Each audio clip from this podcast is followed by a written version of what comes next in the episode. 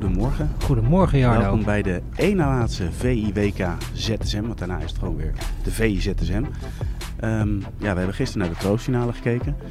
Eh, dan zie je mooie momenten. Dan kun je weer genieten van uh, Amrabat, Ziyech. Uh, maar toch een troostfinale. Hoe kijk jij ernaar? Naar?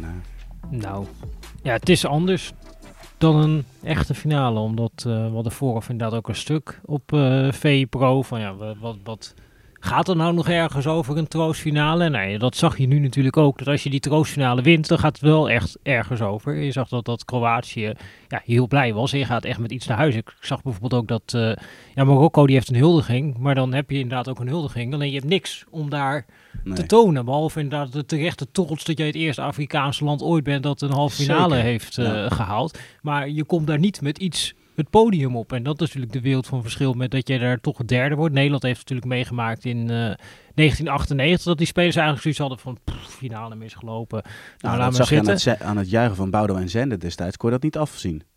Nee, nee, dat dan weer niet. Maar ja, dat, ze hebben achteraf veel spelers uit die uh, lichting hebben gezegd van, uh, nou ja, joh, het, is, het was een wedstrijd waar we toen ja, met de pet naar gooiden. Toen zagen we hoe blij die Kroaten waren toen ze hem eenmaal binnenhaalden. Toen Ja. dachten we, oh verdorie, dat hadden we eigenlijk ook ons best moeten doen. En toen heb je dat eigenlijk omgekeerd gehad met Nederland tegen Brazilië in 2014. Ja, dat was natuurlijk ook zo'n wedstrijd. Brazilië, hè, heel pijnlijk met 7-1 uh, eraf. En dan had je natuurlijk eigenlijk nou ja, kunnen inzetten op een soort van eerherstel. Uh, dat je in ieder geval nog met opgeheven hoofd het toernooi verlaat. Maar dan nog zo'n wedstrijd waar je dan eigenlijk zoiets hebt van, nou ja, we moeten hem spelen, maar we willen hem niet spelen. En ja, dat, dat, ja, dat verschil er nu denk ik ook alweer een beetje terug. Uh, ik heb die coach van Marokko vooraf al horen zeggen Ja. van... Nou ja, die wedstrijd op de derde plek, uh, nou, dat het allemaal niet zo uh, heel belangrijk meer was. Die had natuurlijk ook veel fysieke problemen. En er zat voor hen ook minder tijd tussen. Ja. Tussen die twee wedstrijden. Dus er waren ook wel redenen om aan te nemen waarom ze ja, er minder klaar voor zouden zijn dan dat Kroatië er klaar voor was.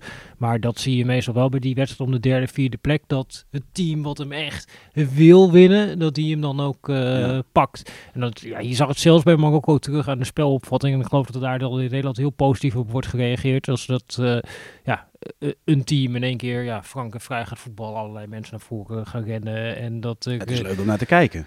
Ja, het is leuk realistisch is nou ja, tweede, het, is, het, het functioneert natuurlijk slechter. Uh, want uh, de twee wedstrijden waarvan wij in Nederland dan zeggen... oh, dan was Marokko goed. Dat zijn de twee wedstrijden die ze verloren hebben. Dus ik weet ook niet wat dat in de, over de Nederlandse spelopvatting uh, zegt. Ja.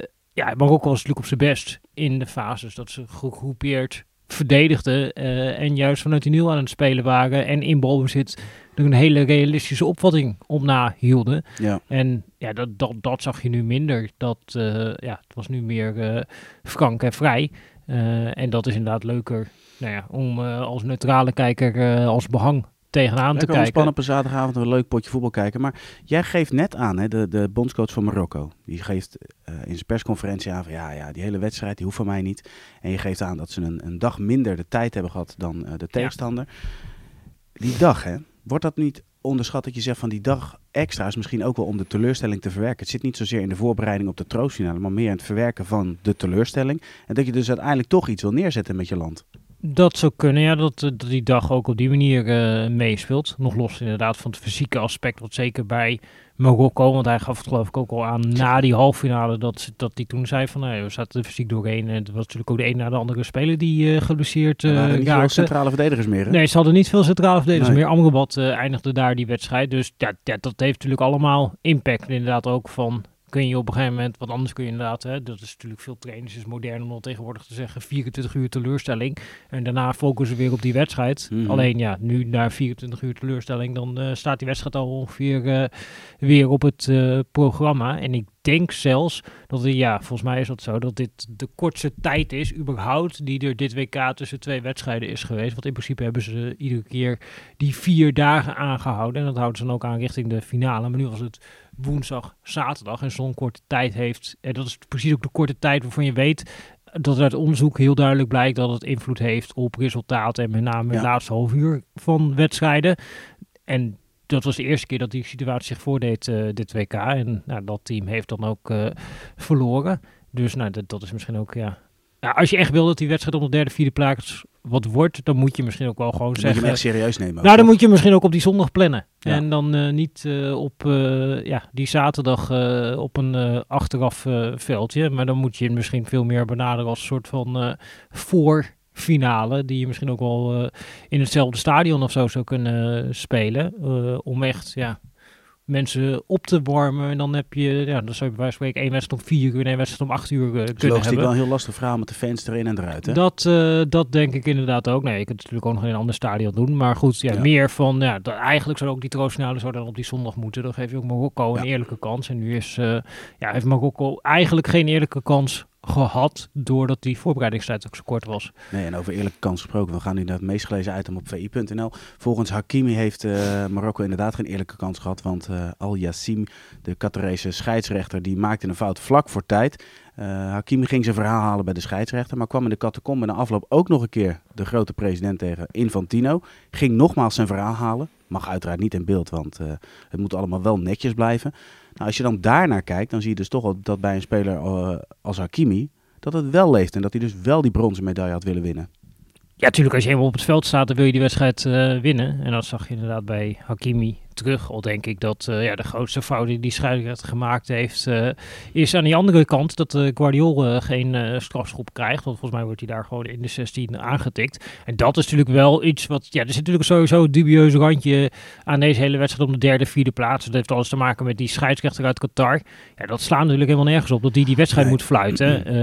en je kunt je niet aan de indruk onttrekken. En dat is denk ik iets waar ja, de FIFA, die zouden die schijn al moeten willen wegnemen. Dat hij daar niet naar het scherm geroepen is. Eigenlijk met de reden van, ja, dan staat die uh, scheidsrechter uit Qatar, die staat uh, voor lul, dus we even geen strafschop uh, aan Kroatië. En ook wat hij daar deed bij dat moment van Hakimi, waar Hakimi zo boos over is, is natuurlijk ook onnavolgbaar. Want die wordt aangetikt buiten de 16. Nou, vervolgens valt hij in de 16. En die scheidsrechter die geeft een indirecte vrijtrap in de 16 vanwege een zwalbe. Het is een heel raar, heel raar moment. Uh, en ja. ook een hele vreemde beslissing ook weer die daar genomen wordt door die uh, scheidsrechter. Dus ja, je krijgt wel het gevoel dat die scheidsrechter, dat die... Ja, terwijl eigenlijk de arbitrage het hele toernooi is redelijk oké geweest. We moesten even wennen aan de extra tijd. Maar verder is het niet heel veel over de arbitrage gegaan. Nee, ja, ja hoogstens inderdaad. Je, je, hebt wat, ja, je hebt wat penalty momenten gehad inderdaad. Uh, en ook Portugal die had natuurlijk het idee van... Nou ja, je hebt natuurlijk ook een aantal landen horen roepen van... Uh, nou, het lijkt wel op dat Argentinië dit toernooi moet winnen. Want die hebben inderdaad heel ja. veel strafschoppen gehad. Waarvan je bij al die strafschoppen individueel kan zeggen ja, goh, je kunt hem geven. Alleen het is iedere keer aan Argentinië dat hij gegeven wordt ja. uh, bij een toernooi in uh, Qatar. Maar ja, vooral ja, dat, dat nu dan een scheidsrechter die eigenlijk niet goed genoeg is, die wedstrijd op de derde, vierde plek moet fluiten. Ja, dat zorgt er ook voor dat al die spelers op een gegeven moment helemaal uit hun uh, plaat gaan. Want die voelen ook aan van ja, die scheidsrechter is eigenlijk niet op ons niveau. en dat, ja, dat, dat, daarmee doet de, de FIFA en het WK, die doen zichzelf eigenlijk tekort. Zeker, maar het gaat weer over hoe, hoe zuiver ga je om met de sport. Nou ja, exact. En dat, uh, ja, het is geen cadeautje. Een wedstrijd om de derde, vierde plaats. Of we inderdaad zeggen over we nemen het serieus. Er hoort ook bij dat je daar de best mogelijke scheidsrechter ja. uh, neerzet. En ik denk dat iedereen die het hele toernooi heeft gekeken... We hebben in ons huis ook met uh, Chris Tempelman een scheidsrechtersspecialist. ja, uh, en ik weet zeker dat Chris Tempelman tien scheidsrechters had kunnen opnoemen die beter deze wedstrijd hadden kunnen fluiten dan ik degene die dat hij zelfs eerder zelf zou fluiten. Wat denk jij? Nou, dat, dat sluit ik ook uh, niet uit. Maar ook inderdaad, ja, Makkeli, die moest ook op een gegeven moment uh, ja. naar huis. ja, en dan, daar, dat is natuurlijk ook weer iets waar dan speculatie over komt. Van, nou ja, die heeft die wedstrijd gehad voor Paris Saint-Germain, eigenaar van Qatar. Dus er hangen natuurlijk rare, schimmige verhalen rondom. En dat krijg je doordat je nu om die wedstrijd om de derde plek. Een scheidsrechter uit Qatar die totaal niet dit toernooi heeft afgedwongen dat hij deze wedstrijd uh, mag fluiten. En dan is iedereen boos, zelfs eigenlijk de partij die voordeel heeft gehad uh, bij die scheidsrechter. Dus daar is, uh, daar is er toch iets fout gegaan. Ja, maar jij zegt over bepaalde zaken zorgt dan weer voor emotie. Maar neem nou dat in de catacombe. Waarom de, de NOS draait er op dat moment. Je mag het dus absoluut niet vastleggen, weet je. Dus dan krijg je dus weer dat er dingen gebeuren die niet in beeld mogen genomen worden. Waarbij je denkt van ja, luister, er speelt zoveel achter de schermen. Maar je zegt, geef nou eens iets meer openheid, weet je. Je zit wel in een open ruimte. Het is een mixzone. Laat mensen daar hun werk de, inderdaad ook gewoon doen. Dat lijkt me ook, ja. Ja, nee, het is gewoon... Uh ja, heel vreemd. En dat is ook weer inderdaad van, uh, je, je laat daarmee een soort van uh, verdachtmaking uh, Ja? op je. Je geeft Terwijl- ruimte tot speculaties. Ja, terwijl je eigenlijk zou denken, joh, laat het eh, gewoon zien. Maar goed, eh, binnen de wereld van de FIFA zijn regels eh, regels. Dus dat is eh, ja, een ondergrondelijk eh, bolwerk. Ja, absoluut. We gaan door naar het volgende onderwerp. En dat is, gaat specifiek over Cody Gakpo. Eh, Marco heeft, eh, Marco Timmer, onze collega, heeft gesproken met eh, Ruud van Nistelrooy over de kansen. Ja, blijft Gakpo wel of niet? Nou ja, na zo'n WK nemen de kansen natuurlijk af. En, en dan komen er ineens ja, een rijtje club. Ik, ik noem ze even. Manchester United, Real Madrid, Bayern München, Liverpool. Ja, is die nog te houden, Pieter? Nou, dat, dat gaat blijken. Of de vraag is, nog- is die, nee, is die deze winter nog te houden? Ja, het is natuurlijk een hele rare situatie rondom Cody Gakpo. En dat, dat nu de trainer van PSV eigenlijk al een voorzetje geeft. van, Nou ja, we gaan er een beetje vanuit dat hij weggaat. Ja, je kunt het, we hebben in het komende kerstnummer hebben we ook eh, John de Jong staan. En die vertelde ook uitgebreid over eh, zijn vertrek. Ja. En dat hangt natuurlijk ook overheen met die hele financiële situatie bij PSV. Waarvan eigenlijk ja, de hele wereld weet, ze moeten in dit boekjaar nog een verkoop realiseren.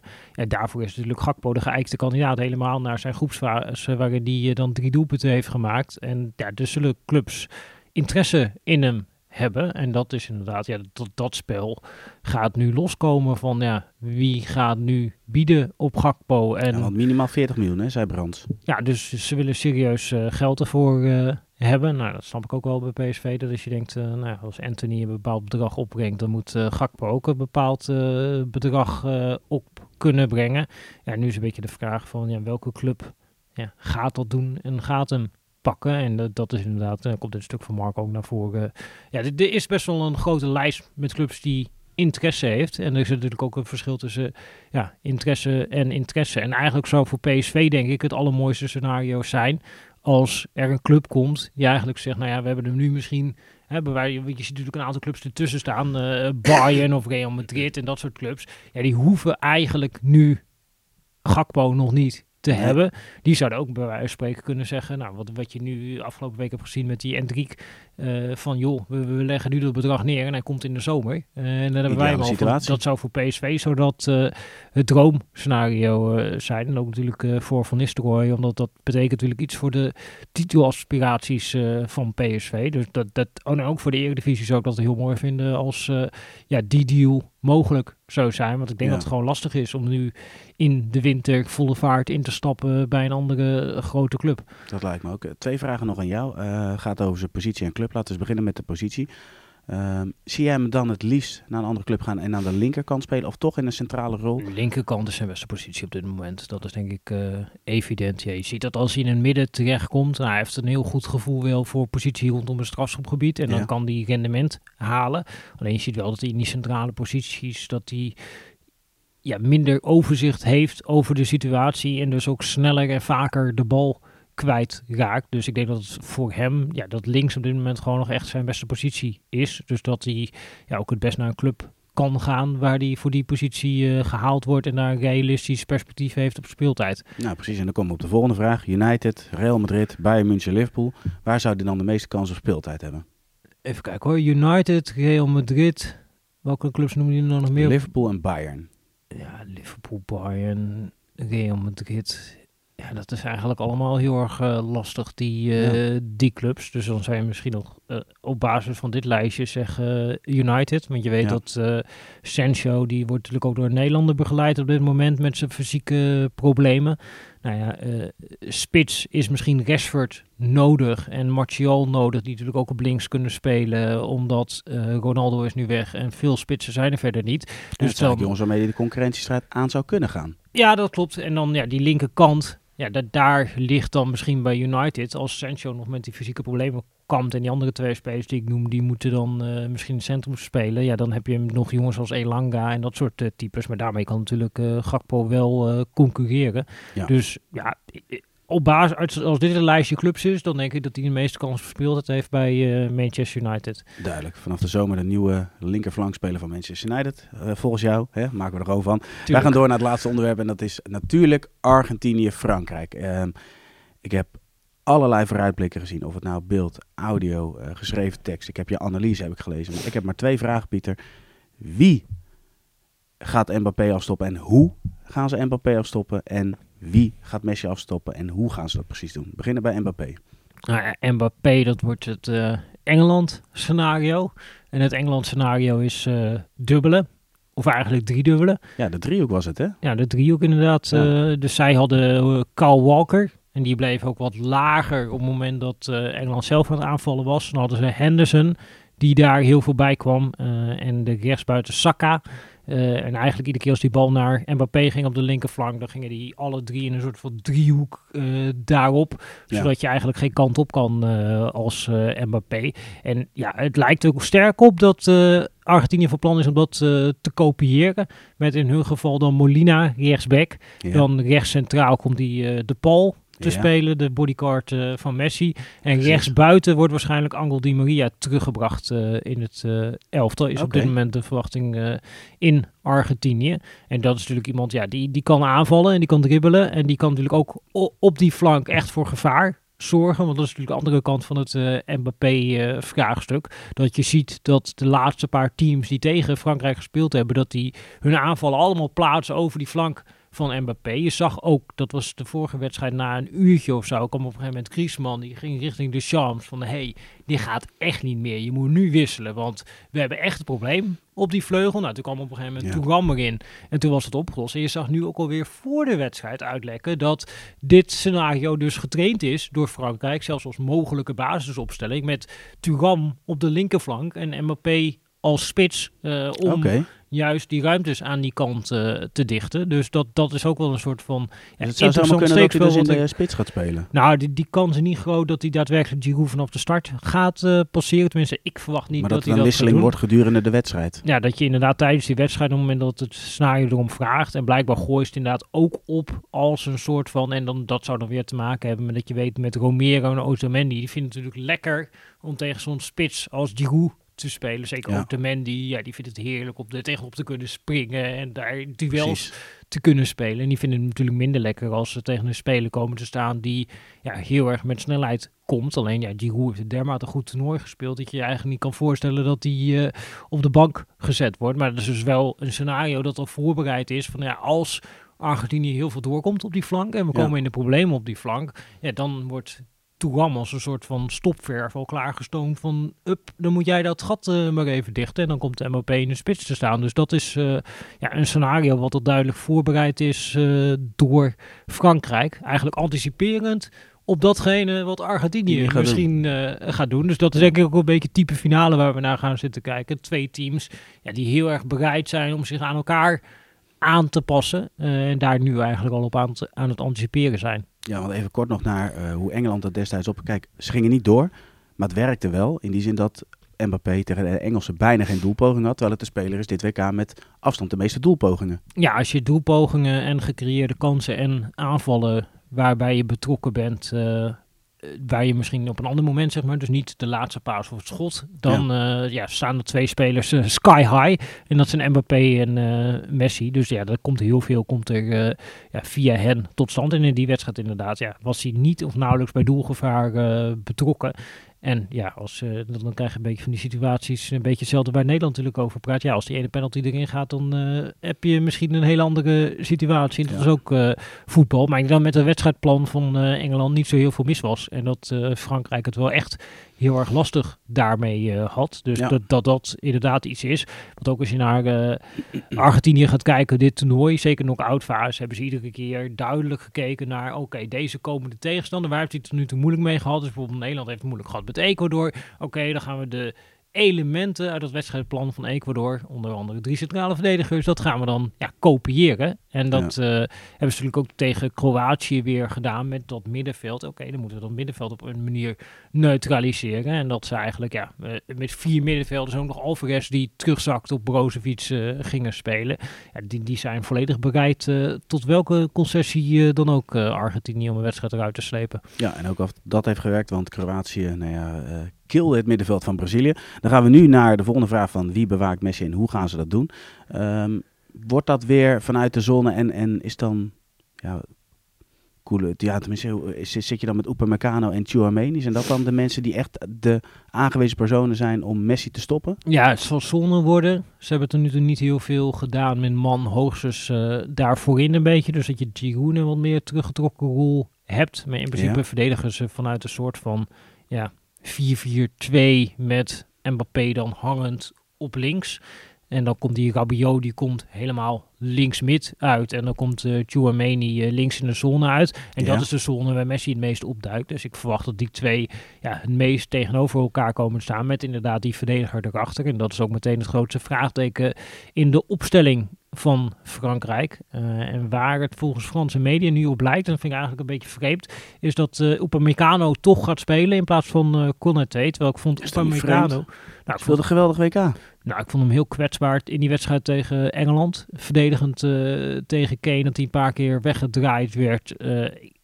ik vond het toen heel matig eruit zien. Maar Konaté, verdedigend, eigenlijk de beste man was in de halve finale tegen Marokko. Die loste echt heel veel van die problemen op die ze destijds ook weer over die uh, flank hadden. Mm -hmm. dus ja, puur kijken naar ja, verdedigende kwaliteiten zou ik denken, oké, je kiest dan voor Corneté, waar Upamecano eigenlijk ja, vooral denk ik de betere opbouwer van de twee ja, Maar verwacht jij niet dat Frankrijk meer aan de bal is dan Argentinië?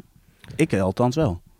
Ja, weet ik niet. Het zijn natuurlijk twee teams die wel ook een afwachtende houding kunnen aannemen. Ik, ja, ik zou misschien wel verwachten dat uh, Argentinië dat het ook veel de bal kan gaan hebben. Want natuurlijk Frankrijk heeft er best wel baat bij om een wedstrijd te creëren waarin de ruimte ontstaat voor ja. Mbappé om uh, te counteren. Uh, en ja, dat is voor hen misschien wel een hele gunstige manier om Argentinië af te stoppen. Dat ze eigenlijk de ruimte creëren voor Mbappé om in te counteren. En als zij de bal ja, moeten hebben, dan kunnen ze de bal wel hebben. Maar ook tegen Marokko, wat ja, tot dan toe dat toernooi eigenlijk het team was wat uh, het minst de bal had. Ja. En die hadden meer de bal tegen Frankrijk. Uh, en dat was natuurlijk ook weer het geval uh, uiteindelijk in die wedstrijd tegen Engeland. Dat Engeland ook heel dominant was aan de bal. Dus ja, ze willen vaak een vroege voorsprong krijgen om daarna in te kunnen zakken. Dat, dat zal denk ik het wedstrijdplan zijn uh, kan me van voorstellen dat de, Frankrijk. Ik kan me voorstellen dat de Fransen met een lage opbouw gaan spelen om ook die ruimtes nog steeds voor Mbappé te krijgen. Alleen dan is de vraag van, ja, laat Argentinië zich lokken of niet? En dat laatste, dat kan ik me dan ook weer niet voorstellen. Nee, en je, je ziet dat het hele toernooi al dat teams eigenlijk liefst rond de middenlijn een beetje inzakken. En eh, dan op eigen helft tegenstanders de ruimte ja. geven. En dat zal in deze wedstrijd ook gebeuren. Dat Argentiniërs ook vrij spel hebben om op te bouwen. En Frankrijk ook vrij spel hebben om op te bouwen. En dan is de vraag, ja, wie kan er op een gegeven moment ja, door dat blok heen spelen? En liggen er ergens ruimtes voor Mbappé en Messi uh, om in te komen? En dat, dat zal voor beide ploegen de uitdaging zijn om dat dan ja, heel erg dicht te zetten. En met Frankrijk hebben ze natuurlijk ja, dat wapen met Mbappé met name ook in de omschakeling. Dus ja, Frankrijk heeft ook denk ik iets meer baat bij een wat meer open wedstrijdbeeld. Waar ja. er veel balwisselingen, ja. omschakelmomenten zijn. Waar Argentinië eigenlijk meer baat heeft bij een echt soort van ja, wedstrijd als tegen Nederland. Uh, in de eerste 60 minuten echt een ja, schaakspel wat helemaal dicht zit met weinig kansen. Want dan weten ze, het is een wedstrijd met weinig kansen, weinig ruimte. Dan hebben wij de beste speler om zo'n wedstrijd te winnen, namelijk Messi. Zoals ook het eerste half uur tegen Kroatië gebeurde er ook helemaal niks. Geen enkele kans. Eerste momentje, tak, hup, doelpunt. Uh, en ja. dat, dat is wanneer Argentinië goed is. Uh, als het echt totaal gesloten is. En Frankrijk inderdaad zowel baat erbij hebben om het iets meer open te hebben, zodat je net iets meer ruimtes komt, iets meer duels komt. En dat is waar zij beter uh, in zijn. En ja, Argentinië heeft heel veel baat bij een echt tactische wedstrijd die helemaal op slot zit. Omdat ze weten, ja, in een wedstrijd die helemaal op slot zit, waar nergens ruimte is, hebben wij de beste speler om toch zo'n wedstrijd te kunnen ja. openen. Ja, iedereen heeft het en dat is ook volkomen logisch over het duel Messi tegen Mbappé op voorhand en je kijkt naar deze wedstrijd, ik ben benieuwd hoe jij daarnaar kijkt. Ik kijk vooral uit naar het echte onderlinge duel tussen de Paul en Rabiot. Rabiot belangrijk voor Mbappé, de Paul belangrijk voor, voor Messi. Hoe zie jij dat? Nou, ik ben ook wel heel benieuwd, juist uh, omdat je gaat het nu met beide teams, ga je dat uh, waarschijnlijk uh, zien, naar ja, die flankspelers aan de andere kant. Want je krijgt natuurlijk oh, ja, heel erg bij zowel Mbappé als bij Messi. Messi wijkt uit naar rechts, Mbappé die wijkt uit naar links. Dat ja, teams die gaan die kant proberen dicht te zetten. Dus daar ga je eigenlijk alles uh, aan doen. Nou, wat jij zegt inderdaad met De Paul, met Rabiot, met uh, Chouameni, die zal daar uh, een rol in spelen. Kantelen helemaal één kant op. Ze kantelen allemaal die kant op om dat dicht te zetten. En dat betekent dat aan die andere kant ja, kan er een vorm van ruimte ontstaan. en dat is zeker bij Frankrijk met Dembélé. Ja, als die in één tegen één kan komen met Acuna, ja, kan daar best wat te halen zijn. En nou, bij Messi is het natuurlijk wat meer ja, centraal georiënteerd. Als je daar dan misschien aan de zijkant met Di Maria een 1 tegen 1 krijgt tegen Theo Hernandez. En dan geldt voor zowel Theo Hernandez als Acuna dat die aanvallend beter zijn dan dat ze verdedigend zijn, ja, dan kan het nog best zo zijn. En dat was natuurlijk ook bijvoorbeeld zo bij die finale om de Copa America. Ja, die wedstrijd die wordt uiteindelijk wordt die, uh, opengebroken door Di Maria en niet door Messi. Dus ik, het zou mij helemaal niet verbazen als we hebben nu die hele finale voorbeschouwing gehad. En dan gaat die keer over Mbappé en Messi en dat zijn de sterren. Maar dat juist omdat beide ploegen alles instellen op die sterren, dat zomaar de ja, man, ja, weet je wel, de acteur met de beste bijrol. Ja, Jij wil altijd uh, filmreferenties uh, hebben. Dus dat of Dembele of Di Maria. Dat, dat worden de WK-helden. Dat die in één keer de held worden. Uh, omdat die zullen misschien de ruimte krijgen. En die staan ook allebei tegenover een bek die niet zo goed kan verdedigen. waar het aan die andere kant wat meer dicht zit bij beide ploegen. Dus dat, dat zou me helemaal niet verbazen als die wedstrijd eigenlijk één keer opengebroken wordt. Ja, door de speler waarvan we het niet verwachten. En dan ja, maakt ook eigenlijk ja, die speler dat ja, de, die andere speler eh, de geschiedenisboeken ingaat als zijnde ja, je bent in één keer uh, wereldkampioen geworden. En dat is natuurlijk wel grappig ook met die hele discussie rondom Messi. Iedere keer is het alweer lang vergeten. Maar in de finale van 2014 zet hij twee keer Higuain alleen voor de keeper. Higuain die krijgt hem er twee keer niet in. Gutsen rommelt daarna aan de andere kant wel een bal erin. En dan ja, is Messi geen wereldkampioen geworden. En dat ligt dan aan Messi of zo. Dat is een soort mm -hmm. van ja, rare constructie die ik in mijn hoofd niet helemaal bij elkaar uh, krijg. Maar eigenlijk zeg je dat die Maria de ultieme kroon op, het, uh, op de loopbaan van Messi moet gaan zetten. Dat klopt zoals de Dembele dat kan doen uh, voor Mbappé. Ja. Dus dat, ja, dat, dat, dat, wordt inderdaad de finale waar iedereen ja, zijn ogen gefocust heeft op de twee grote sterren. En dit kan wel eens de wedstrijd zijn dat er dan ja, uit onverwachte hoek gaat komen de beslissing. Ik heb er in ieder geval zin in. Pieter, hartstikke bedankt voor jouw bijdrage aan deze VIWK ZSM. Morgen zijn we uiteraard weer terug met een nieuwe aflevering. Jongens, jullie bedankt voor het kijken of voor het luisteren. En zoals gezegd, morgen weer terug met een nieuwe VIWK ZSM. Doei!